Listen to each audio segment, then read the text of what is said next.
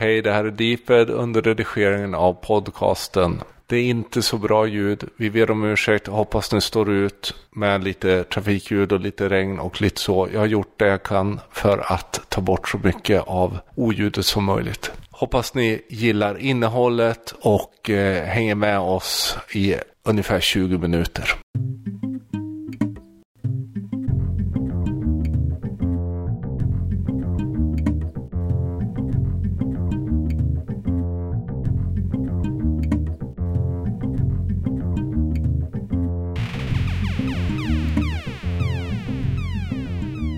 Och välkomna. Det här var podcasten Social by Default igen. Och precis som vanligt så är det jag, Sara Larsson Bernhardt, tillsammans med Deeped Niklas Strand som driver den här podcasten. Social by Default är ett koncept och ett samarbete mellan Know It Experience och United Power. Och vill ni prata med oss så använd gärna hashtaggen Social by Default eller gå in på vår Facebook-sida som också heter Social by Default. Den här podcasten, det här avsnittet är lite annorlunda, eller hur Sara? Ja, det kan man lugnt säga.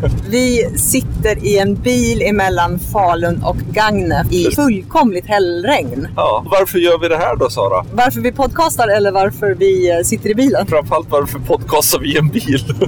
För att vi har så otroligt mycket att göra den här perioden så vi har faktiskt inte hittat tid att uh, hinna podcasta. Så vi får ju ta tillfället i akt när vi är tillsammans. Precis. Och eh, testa lite nya varianter helt enkelt. Ja, så vi hoppas att det inte blir för mycket konstiga ljud och så. Det blir en lite så här ad hoc podcast där tror jag. Det kan vara lite kul. Vad har hänt sista, senaste tiden nu? Nu har det ju två veckor sedan. Jag har jobbat som fan. Ja, det har vi gjort. Du har, du har varit i Göteborg ja, en del. Precis. Den här gången var det jag som fick åka upp till, ja. till dig och hälsa på. Och det är väl det. Den här perioden för, för de flesta är ju extremt intensiv.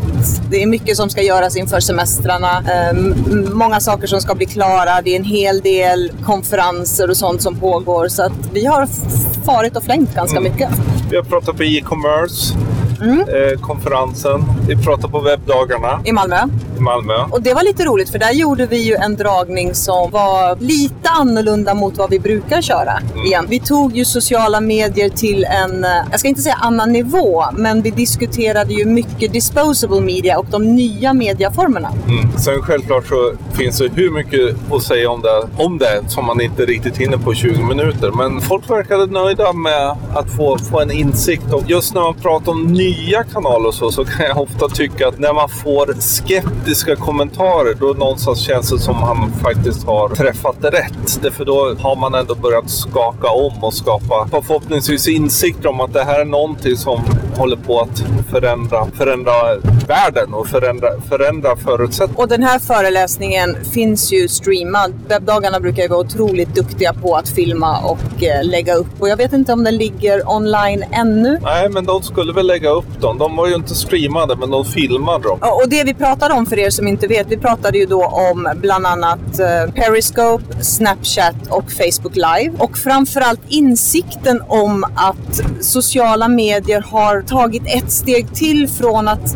alltid någonstans har skapats för, i flöden som försvinner, men nu är ännu mer disposable. Alltså, vi gör någonting här och nu. Det behöver inte vara hundra perfekt för att det är ointressant egentligen i nästa läge sen, utan mm. det är extremt i realtid. Verkligen, och det har vi ju sett en ganska stor utveckling av. Det som, det som var lite roligt var ju att kvällen innan så körde ju då... Buzzfeed var det.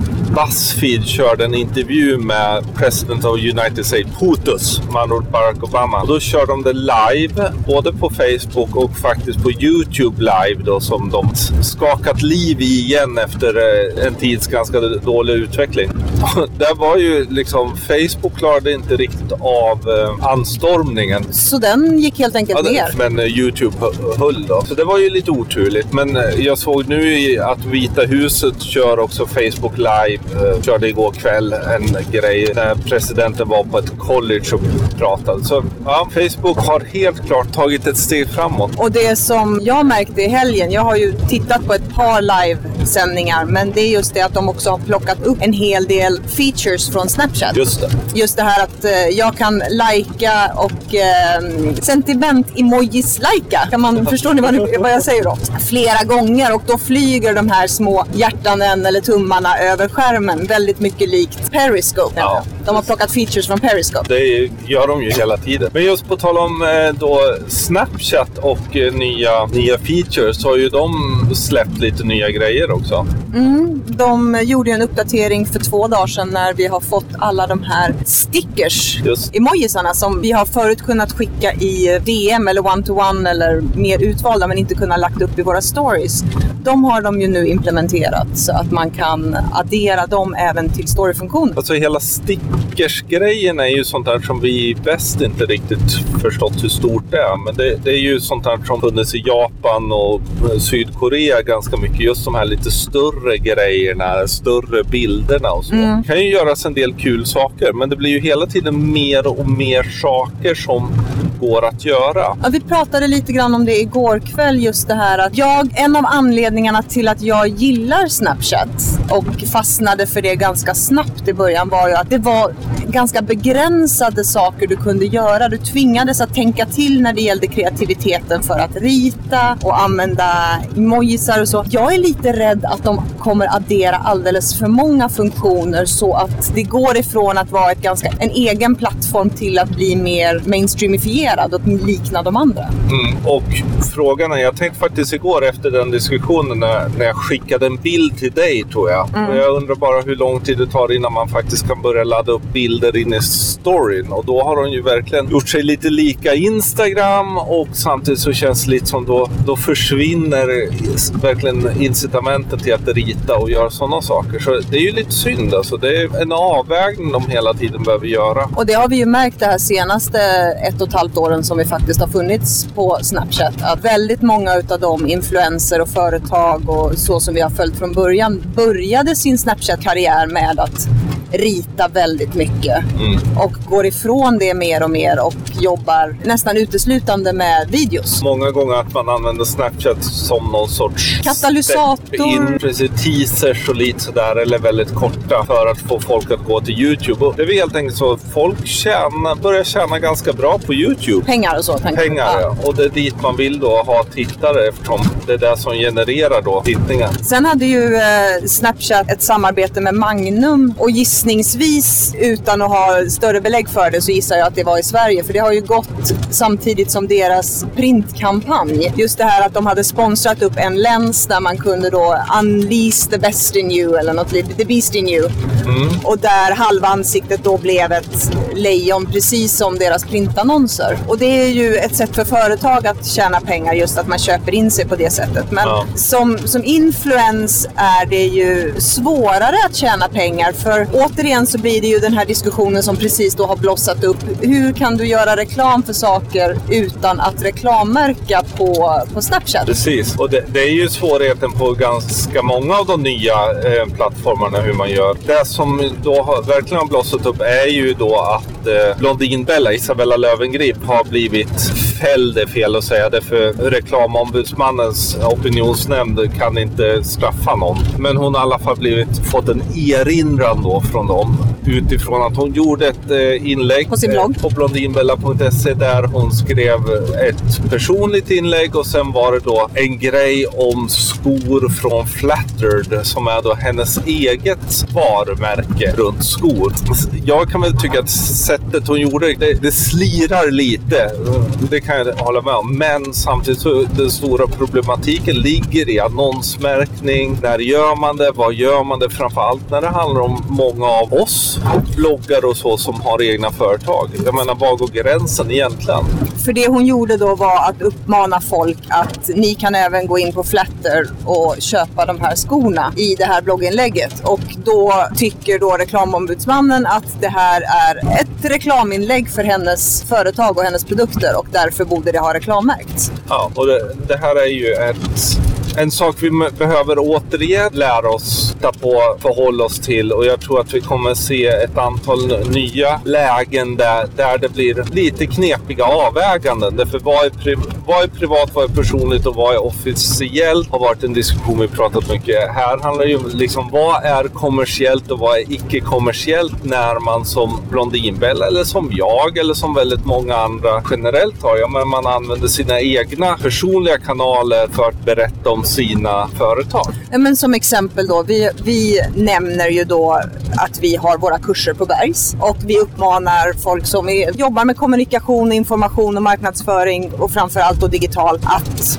söka de här kurserna. Är det här någonting då som ska vara reklammärkt? Ja, fram, framförallt när man gör det på sitt eget och så. Där, där menar många att ja, just när det handlar om att man ganska klart berättar vem som är avsändare och så, då ska det inte behövas. Och det kan vara så, men det är ju samtidigt men... reglerna är ju gjorda för en annan tid. I det här fallet återigen ett bevis på att regelverk och eh, etiska riktlinjer inte riktigt har har hängt med i utvecklingen. Nej, och här är ju också frågan, jag menar i i vårt fall då om vi, gör, om vi nämner vår kurs på Bergs. Det gör ju vi för att vi brinner för kursen, vi tycker det är väldigt roligt, vi tycker om Bergs som skola men det är ju ingenting som de uppmanar oss till att göra. Så att här är ju också frågan, vad är reklam och vad är passion för någonting? Nej, å andra sidan så tjänar vi ju, även om vi inte tjänar några stora pengar just på kanske Bergskurserna, utan men vi har lön för det, eller vi fakturerar för det precis som när vi berättar om andra saker vi gör som vi både tjänar direkt direkta pengar på och samtidigt också kan tjäna indirekta pengar på genom att vi gör saker ibland för att träffa människor som sen kan bli våra kunder. Så det är, det är ju en avgränsning vad som är kommersiellt när vi gör saker. Mm. Och både du och jag tycker det är jätteviktigt med att man håller transparens och sådana saker. Vad är sponsrat? Vad ska vara reklammärkt? Vad ska identifieras som reklam? Är ett, en svår fråga. Så bra att den diskuteras. Mm. Eh, vi kommer nog behöva diskutera den ju mer influence marketing ökar. PR-byråer och inte minst företag behöver bli duktigare på att stödja och hjälpa folk, de man jobbar med, att göra rätt. Om, om, ja, framförallt om de är ganska, lite oerfarna. Precis, för jag menar det, det finns ju väldigt många yngre förmågor, framförallt om vi tittar på YouTubers och vi tittar på eh, Snapchat-stjärnor och Instagram-stjärnor och så, som får erbjudanden för, för, från företag. Och här, återigen, vi diskuterade det podcasten med Linda Hörnfeldt. Vems är skyldigheten? Vem är det som ska informera? Är det företaget som ska informera att det här bör reklamsponsras eller är det personen i fråga som får erbjudandet som ska vara så pass påläst att de förstår att det här inlägget behöver behöver reklammärkas. Det är ju personen i fråga som råkar illa ut. Mm. Och sen företaget i trovärdighet kanske. Intressant. En, en bransch då som ju är i kris är ju tidningsbranschen. Ja.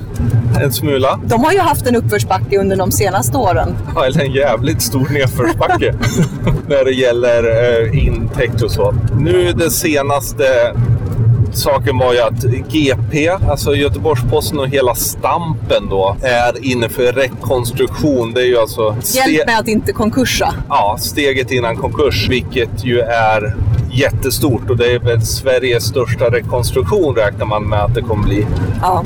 Eh, någonsin. Eh, och det intressanta med det ligger väl i att eh, de har, precis som en hel del andra tidningar, varit ganska sena att förstå den digitala transformationen.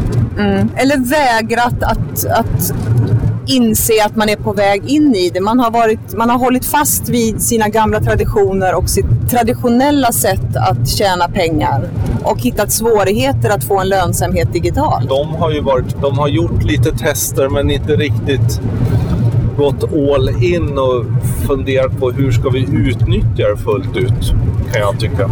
Men det här tycker jag också är ett problem utifrån ett större perspektiv. För att en av anledningarna till att just tidningsindustrin har haft svårt att ta betalt online är ju för att det finns ju så många ställen vi kan läsa nyheter på. Mm. Det finns ju så många olika plattformar som kan driva in oss till nyheter.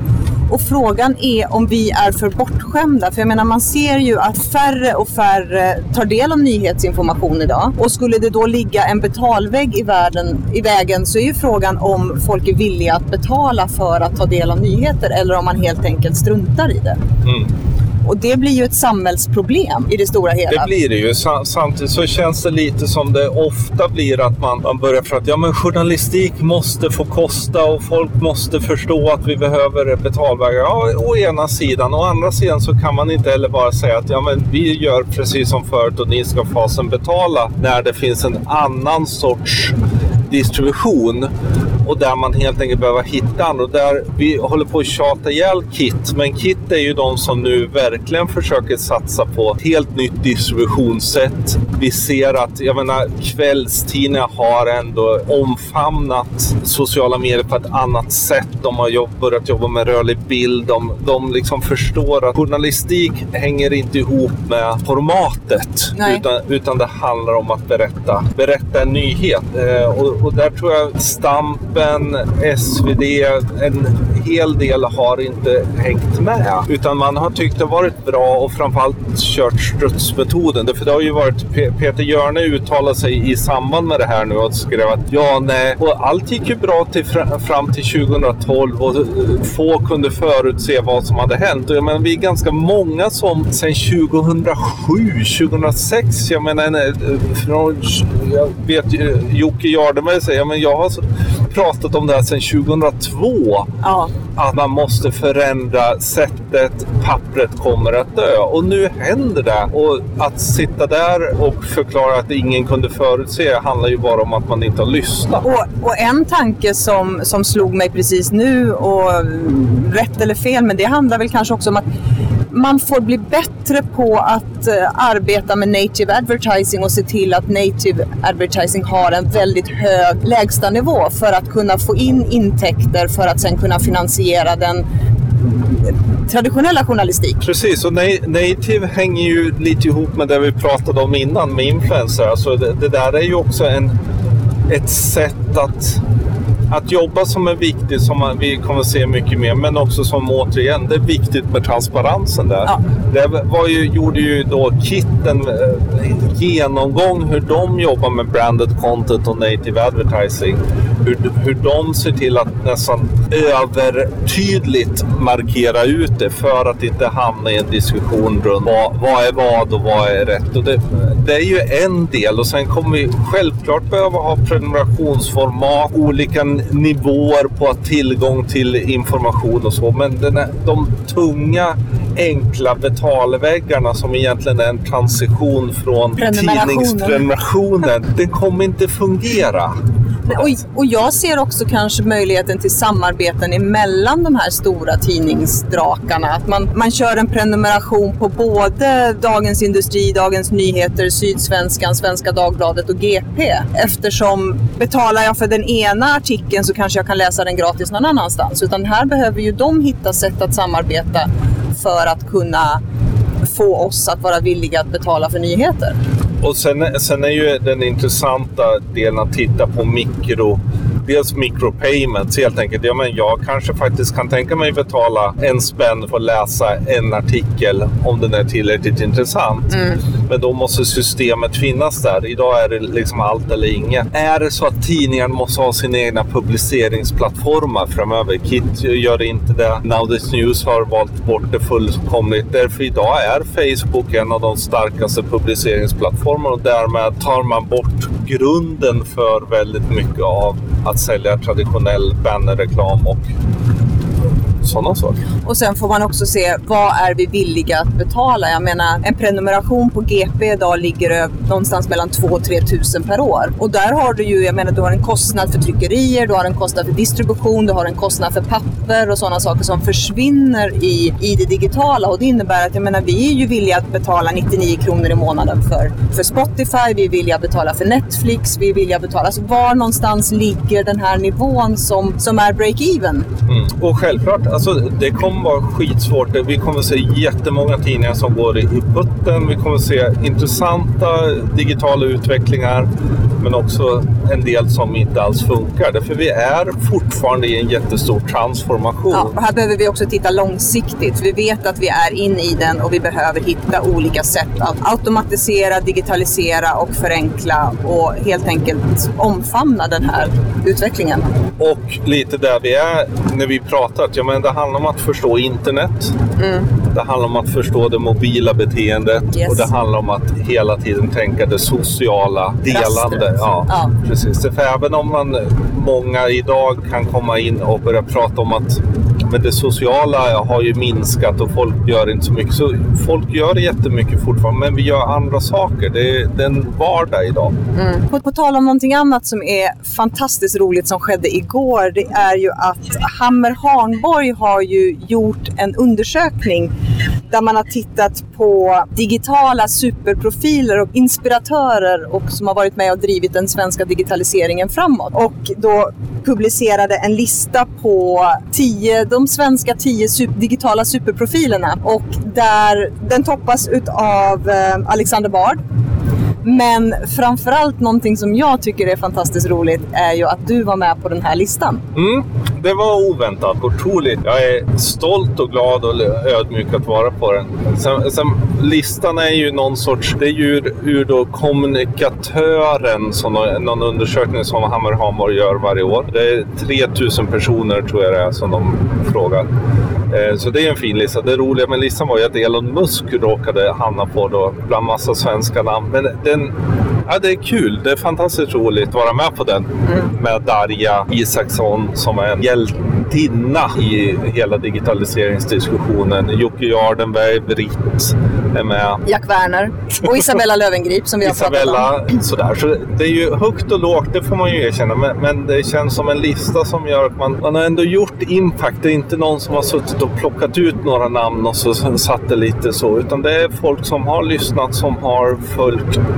Och, Som framförallt har varit med länge också, ja, tycker jag. sådär. Så det, Om man ska titta på vad en digital superprofil då är enligt Hammer och Hanborg så är det någon som är visionär och nyskapande, som håller sig uppdaterad, driver förändringen genom att påverka och inspirera andra till att bidra till nytänkande, bygger nätverk internt och externt och utvecklar på så sätt givande samarbeten, anpassar sig lätt till nya omständigheter och ifrågasätter rådande rutiner och regler. Och då vill jag också läsa upp vad de har skrivit om eh, dig och då står det att eh, Deeped Niklas Strand, Deep Edition Digital PR, han har en oerhört uppdaterad syn på digitalisering och vad de nästa stora applikationerna är. Inte bara för människor utan även för företag. Ja, det är fint. Det är jättefint, det är jätteroligt. Det är nästan som man får torka en tår i ö- ögat. Så stort grattis och Tack. välförtjänt placering tycker jag. Det är roligt. Mm. Sen, sen som jag har skrivit när folk... Jag kan ju också tycka liksom viktigt att lyfta upp att jag menar, idag är ju... För, för min del så är, är, är ju social by default, det är ju du och jag och det är vi som väldigt mycket gör mycket tillsammans. Så jag menar, du, du, det får skvätta lite på dig också det här tycker jag. Men viktigt någonstans också, tycker jag, lite det både du och jag gör. Att vi, vi fortsätter det som ibland kanske har tappats bort. Det här faktiskt att dela med sig av kunskap. Ja. Att, att vara en del, att fortsätta, inte alltid välja, välja att eh, vad får man betalt för, utan att eh, faktiskt vara, vara en del av utvecklingen på så sätt. Det tycker jag är viktigt. Och det tycker jag är någonting som är gemensamt för alla de här tio namnen. Det är ju att ni alla har varit otroligt transparenta och velat driva utvecklingen framåt. Och det gör man bara genom att kunna dela med sig av kunskap och, och informera andra. Och det var lite som vi pratade i morse när du kom och höll mig sällskap på frukosten på hotellet. Att utan dig och utan Joakim Jardenberg som också har varit en otroligt stark inspiratör. Båda ni två har ju någonstans inspirerat mig till att brinna för det här. Och jag hade aldrig varit där jag är idag om inte ni hade funnits i mina cirklar. Och där är en viktig del om, om vi tittar på vad vi brukar eh, prata med våra företag. Alltså att det handlar ju om att dela med sig, brinna, våga titta ibland utanför boxen och, och haka på det som diskuteras. För på så sätt så blir man relevant. Mm. Om vi hade bara pratat om vår, våra, våran business och sålt så hade det blivit ganska ointressant. Vi hade inte hamnat på de här. Men däremot att vara en del av utvecklingen, se den större delen och se sig själv och det man gör i en kanske en större kontext än bara bli en viktig del i innehållsarbetet för väldigt många företag. Och det är just det vi ska göra nu. För nu är vi framme i Gagnef. Nu är vi framme vid, hos vår kund. Så stort tack för att ni har lyssnat. Eh, hoppas ni kan ha överseende med eventuella trafikbuller, brus och eh, Regn. Men eh, Jätteroligt att som vanligt ni är så många som är här och lyssnar på vår podcast. Och show notes och länkar och annat som vi pratar om hittar ni som alltid på podcast.socialbydefault.se. Precis, och nu börjar Sara bli trött i armen som har suttit en halvtimme och hållit i H6an här i bilen. Så nu säger vi tack och hej. Och så hörs vi om ett tag igen. Yes, Tack! tack.